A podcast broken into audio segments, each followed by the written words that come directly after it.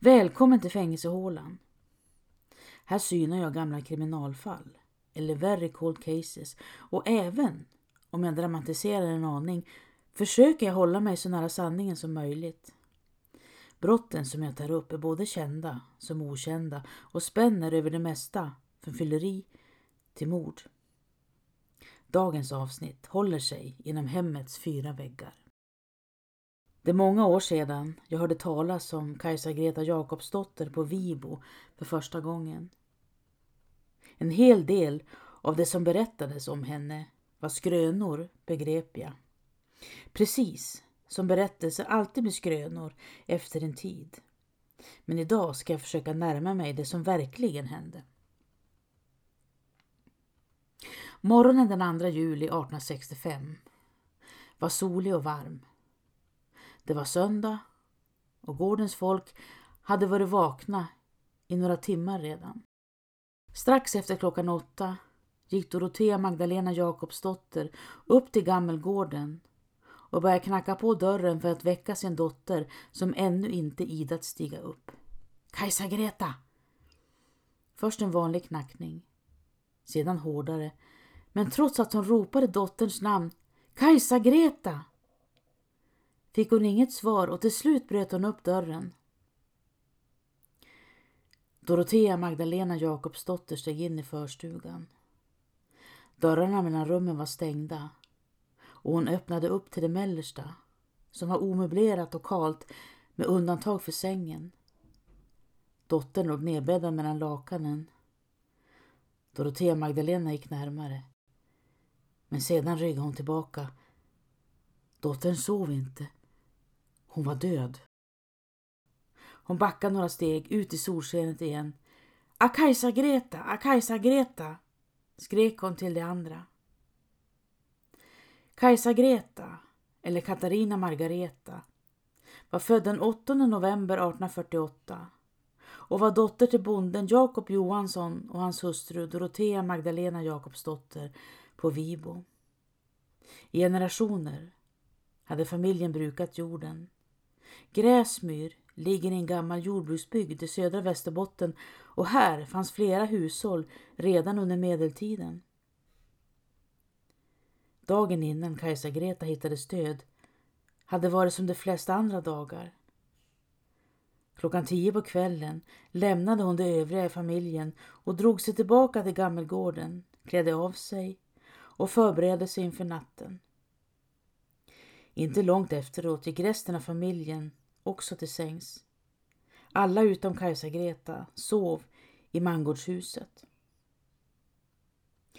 På begravningsdagen obducerades stoftet efter Kajsa Greta Jakobsdotter av provinsialläkare Karl Hay som upptäckte blödningar i hennes hjärna. Någon hade slagit ihjäl Kajsa Greta, intygade doktor Hay och byborna visste mycket väl vem.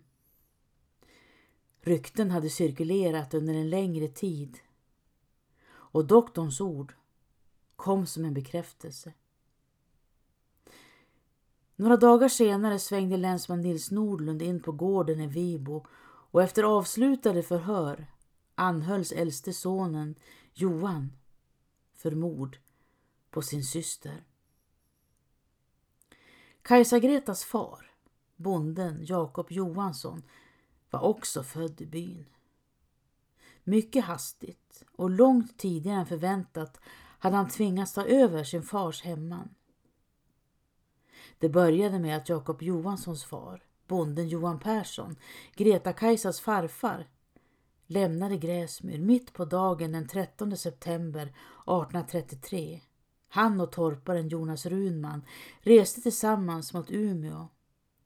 Men hästkärran han inte köra många meter förrän männen öppnade den första brännvinsflaskan.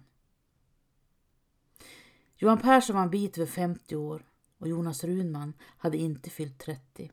Första stoppet var hos en bonde i Mullsjö där männen reglerade några skulder och hävde ett par supar innan de fortsatte.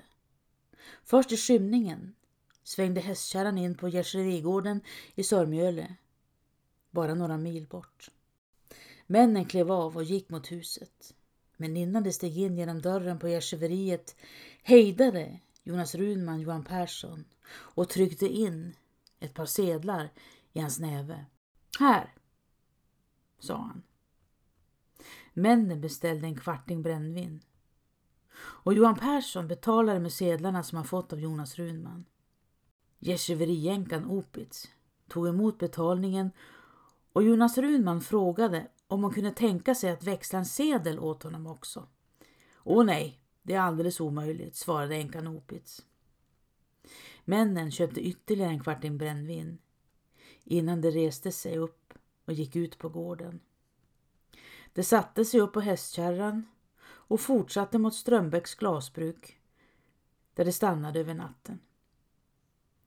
Brännvinet som de köpt drack de upp under vägen. Dagen efter lämnade Johan Persson och Jonas Rudman in hästen hos en bonde på Teg och fortsatte med färjan över älven. Några timmar senare greps Johan Persson på torget i Umeå tämligen redlös och fördes till arresten.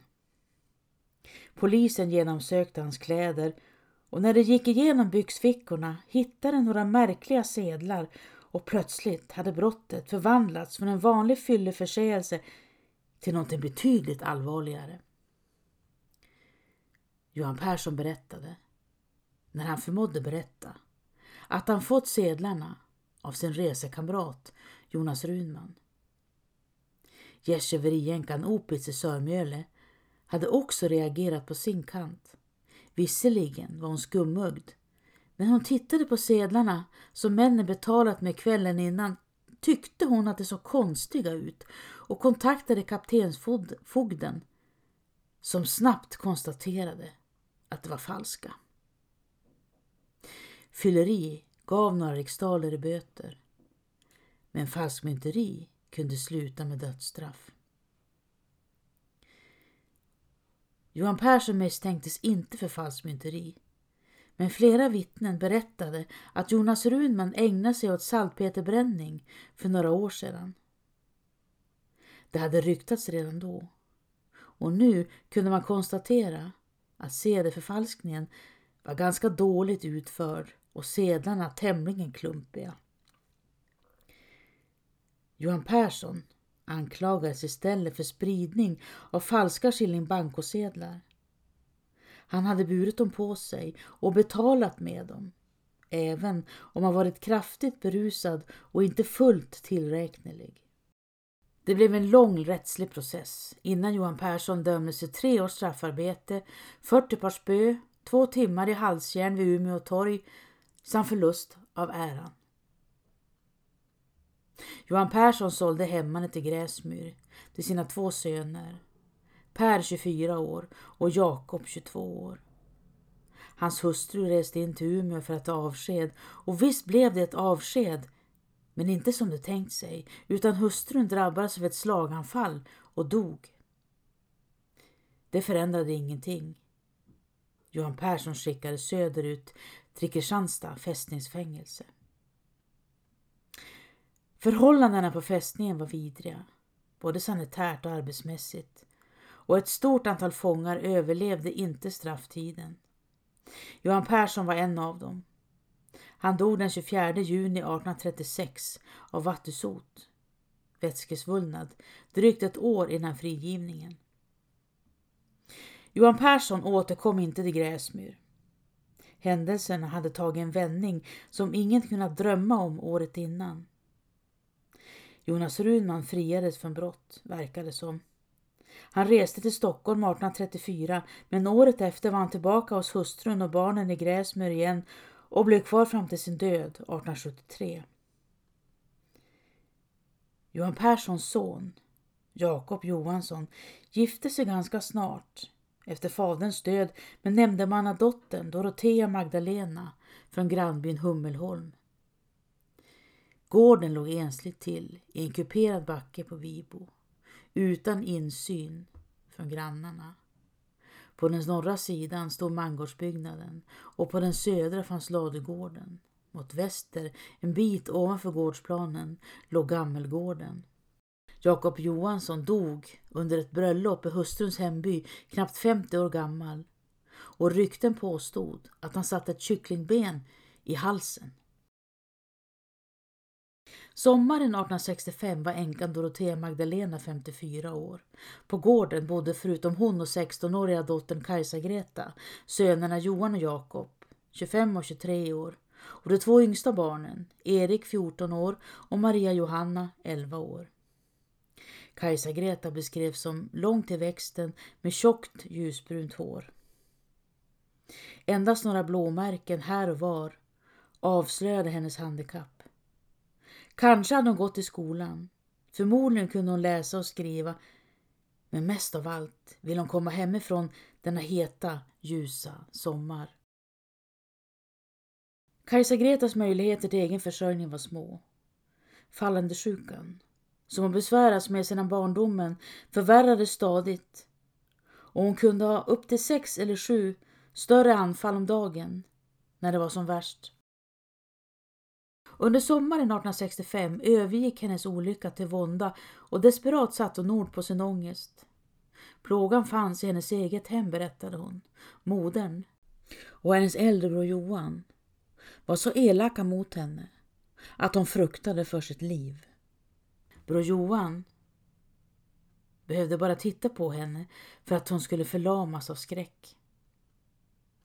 Kajsa Greta hade gång efter gång beklagat sig inför sin förmyndare, bonden Nils Olofsson och berättat om hur svårt hon hade det. Nils Olofsson visste mycket väl att Kajsa Greta ville hemifrån men han tvekade ändå och avvaktade lite. Till slut lyckades Kajsa Greta övertala honom att besöka gården på Vibo.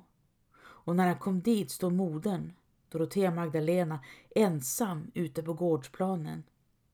Hur har ni det? frågar Nils Olofsson. Kajsa Greta säger att ni är vrånga mot henne. Modern tittade oförstående tillbaka och slog ut armarna. Kajsa Greta är olydig, svarade hon. Hon förtjänar bestraffningarna.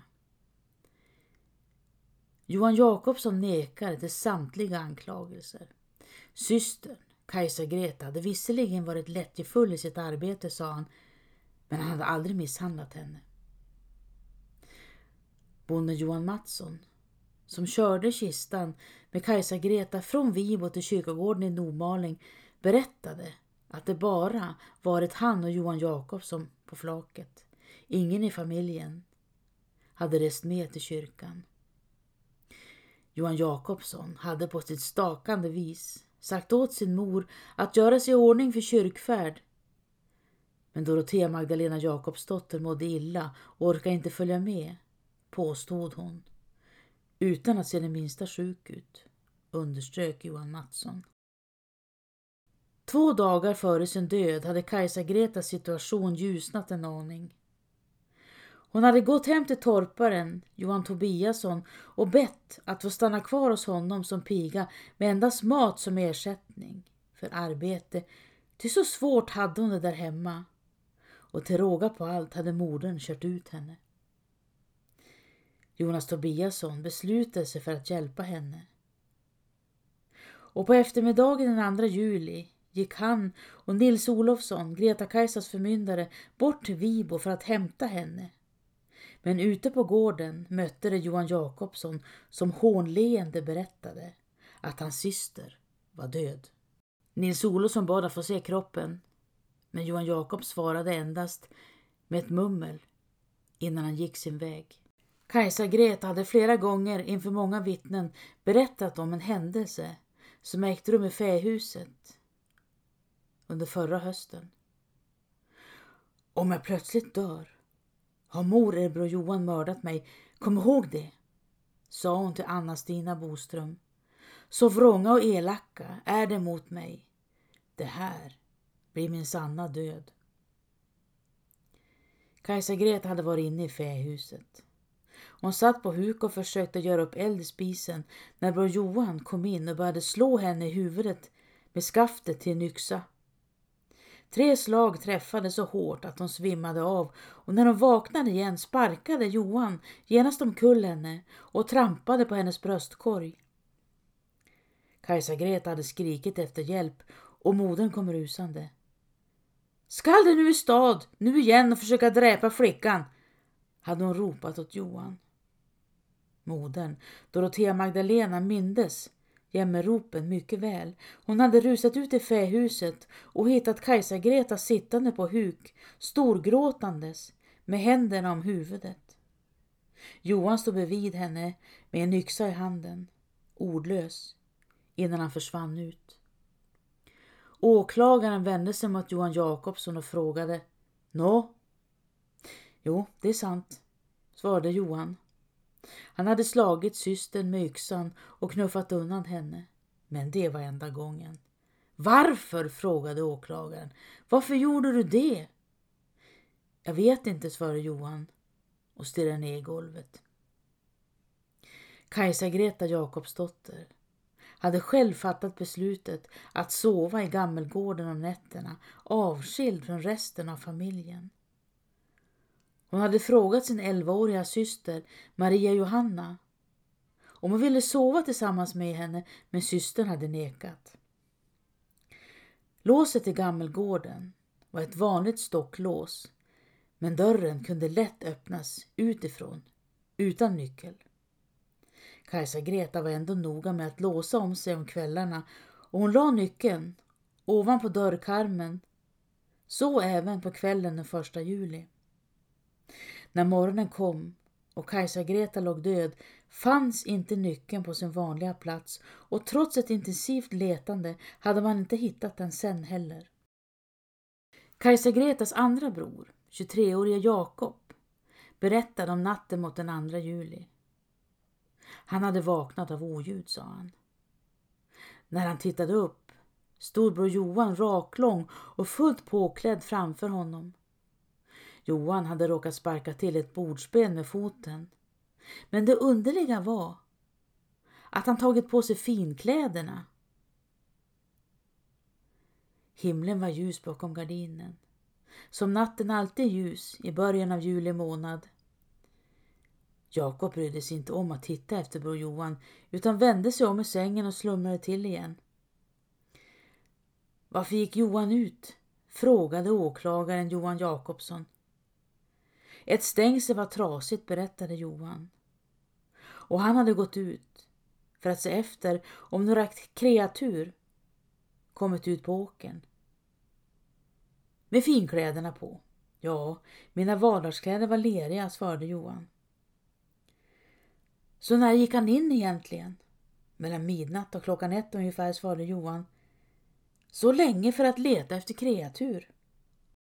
Ett vittne Margareta Johansdotter berättade att hon samma natt varit ute vid tolvtiden för att se efter om några av hennes kreatur hamnat vilse.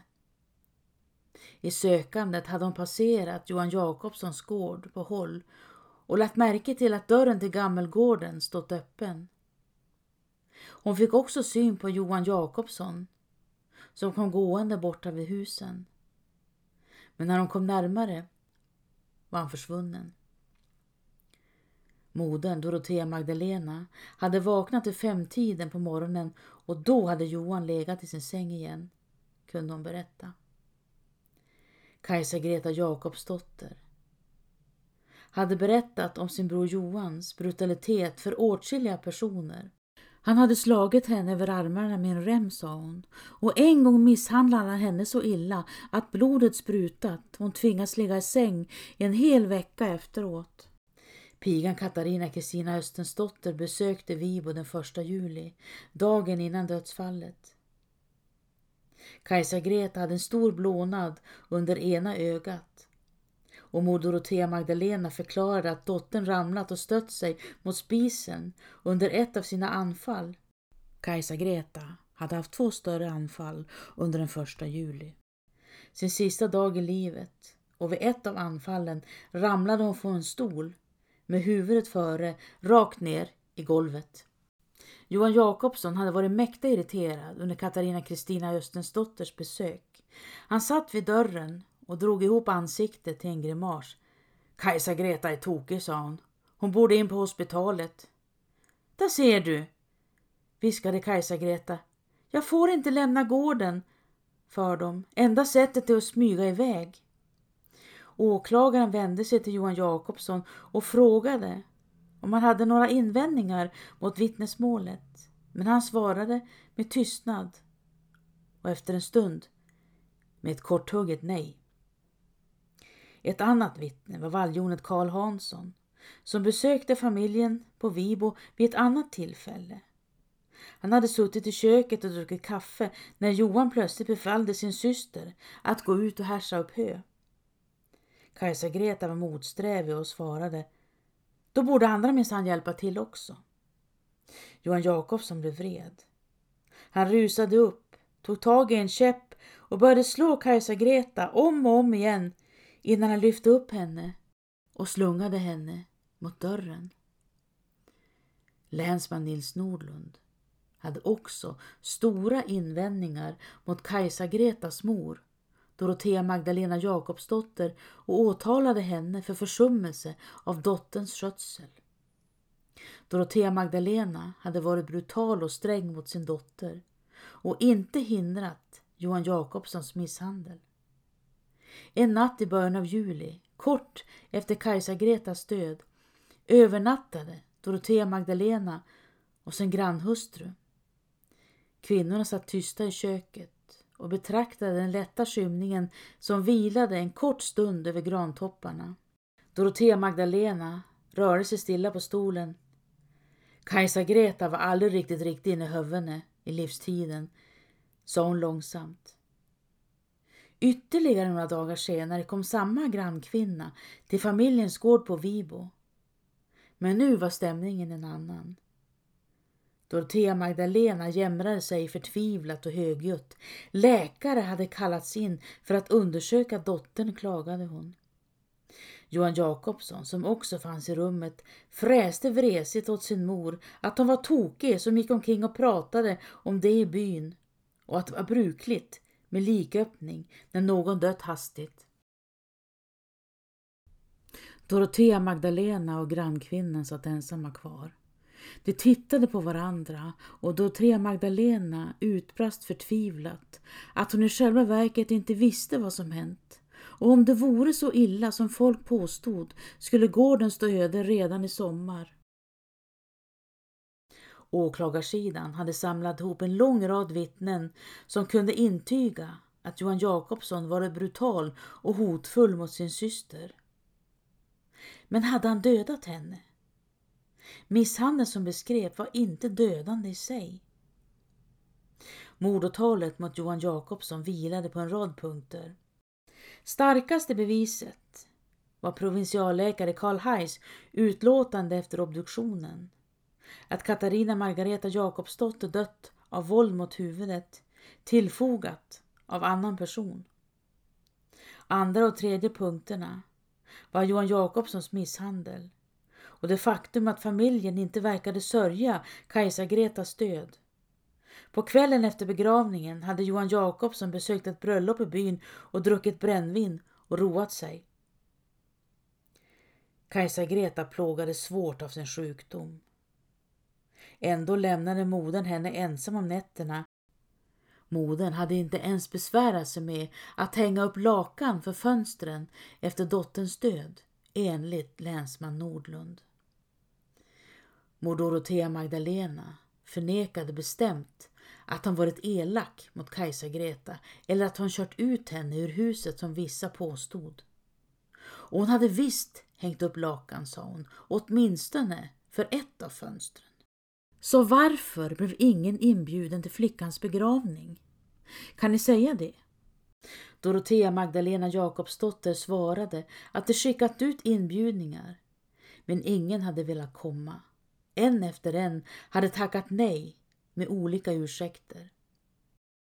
Bevisen för mord var inte tillräckliga för en fällande dom och åtalet om hot och misshandel lades ner med hänvisning till preskriptionstiden. I februari 1866 släpptes Johan Jakobsson ut ur fängelset och var fri att återvända hem. Johan var tillbaka på Vibo. Under hans frånvaro hade bror Jakob skött om hans del av hemmanet. I juli Samma år gjordes en sämjodelning mellan bröderna och några år senare byggde familjen nytt. Johan bodde kvar i den gamla gården. Men ganska snart såg huset i sluttningen öde. Johan flyttade istället in i ett rum på Bror Jakobs gård som han delade med modern fram till hennes död 1884. Johan Jakobsson var frikänd men ändå dömd. Han högg med yxan i väggen och eldade på golvet i rummet några gånger. Vid ett tillfälle rymde han till skogs och bror Jakob hittade honom i en jordkula. Relationerna var spända på Vibo. Här rådde tystnaden. Johan Jakobsson steg upp mitt i natten och tog på sig finkläderna för att gå ut. I rätten försvarade han sig knappt, utan höll sig utanför. Kajsa Grete levde i exil i sin egen familj. Hon är lat och olydig, påstod både modern och brodern. Kajsa Greta var inte riktigt riktig inne i huvudet. Johan Jakobsson slängde ur sig att systern var tokig och borde in på hospitalet. Epilepsi betraktades som en psykisk sjukdom och var en fullgod orsak för inläggning på hospitalet. Men hospitalet var avsett för de allra sjukaste. När ilskan tog överhanden fick man slå och håna. Greta-Kajsa hittades nedbäddad i sängen och hennes kläder låg prydligt ihopvikta på en stol. Hon vilade fridfullt mot kudden och såg orörd ut. Provinsialläkare Karl Hay hittade spår efter blödningar i hennes hjärna, både färska och av äldre datum. Obduktionsrapporten vittnar om ett utbredd förruttnelse. När förmultningsprocessen gått så långt kan det vara svårt att fastställa en säker dödsorsak. Men om någon slagit ihjäl Kajsa Greta med ett tillhygge under den natten borde det ha funnits tydliga yttre skador. Kajsa Greta led av fallande sot och kunde upp till sex eller sju stora anfall om dagen. Timmarna före sin död hade hon ramlat från en stol rakt ner i golvet med huvudet före. Och vid ett annat tillfälle hade hon slagit huvudet hårt i spisen. Även det kunde åstadkomma blödningar i hjärnan. De som sett henne berättade att Kajsa-Gretas tunga hade varit uppsvälld och suttit fastklibbad mellan hennes hopbitna tänder. Som vid ett epileptiskt anfall. Historien som jag hörde om Kajsa-Greta på Vibo var att hon mördades av sin bror, att hon var gravid och att hon hittades i brunnen. Kajsa-Greta var varken gravid eller låg i brunnen. Men blev hon mördad? Jag tror inte det. Bror Johan och mor Dorotea Magdalena behandlade henne oursäktligt illa. Men mord var det knappast. Kajsa Greta hade lidit av svår fallande sot eller obehandlad epilepsi i 16 år. Och det var nog snarare ett under att hon levde så länge som hon gjorde.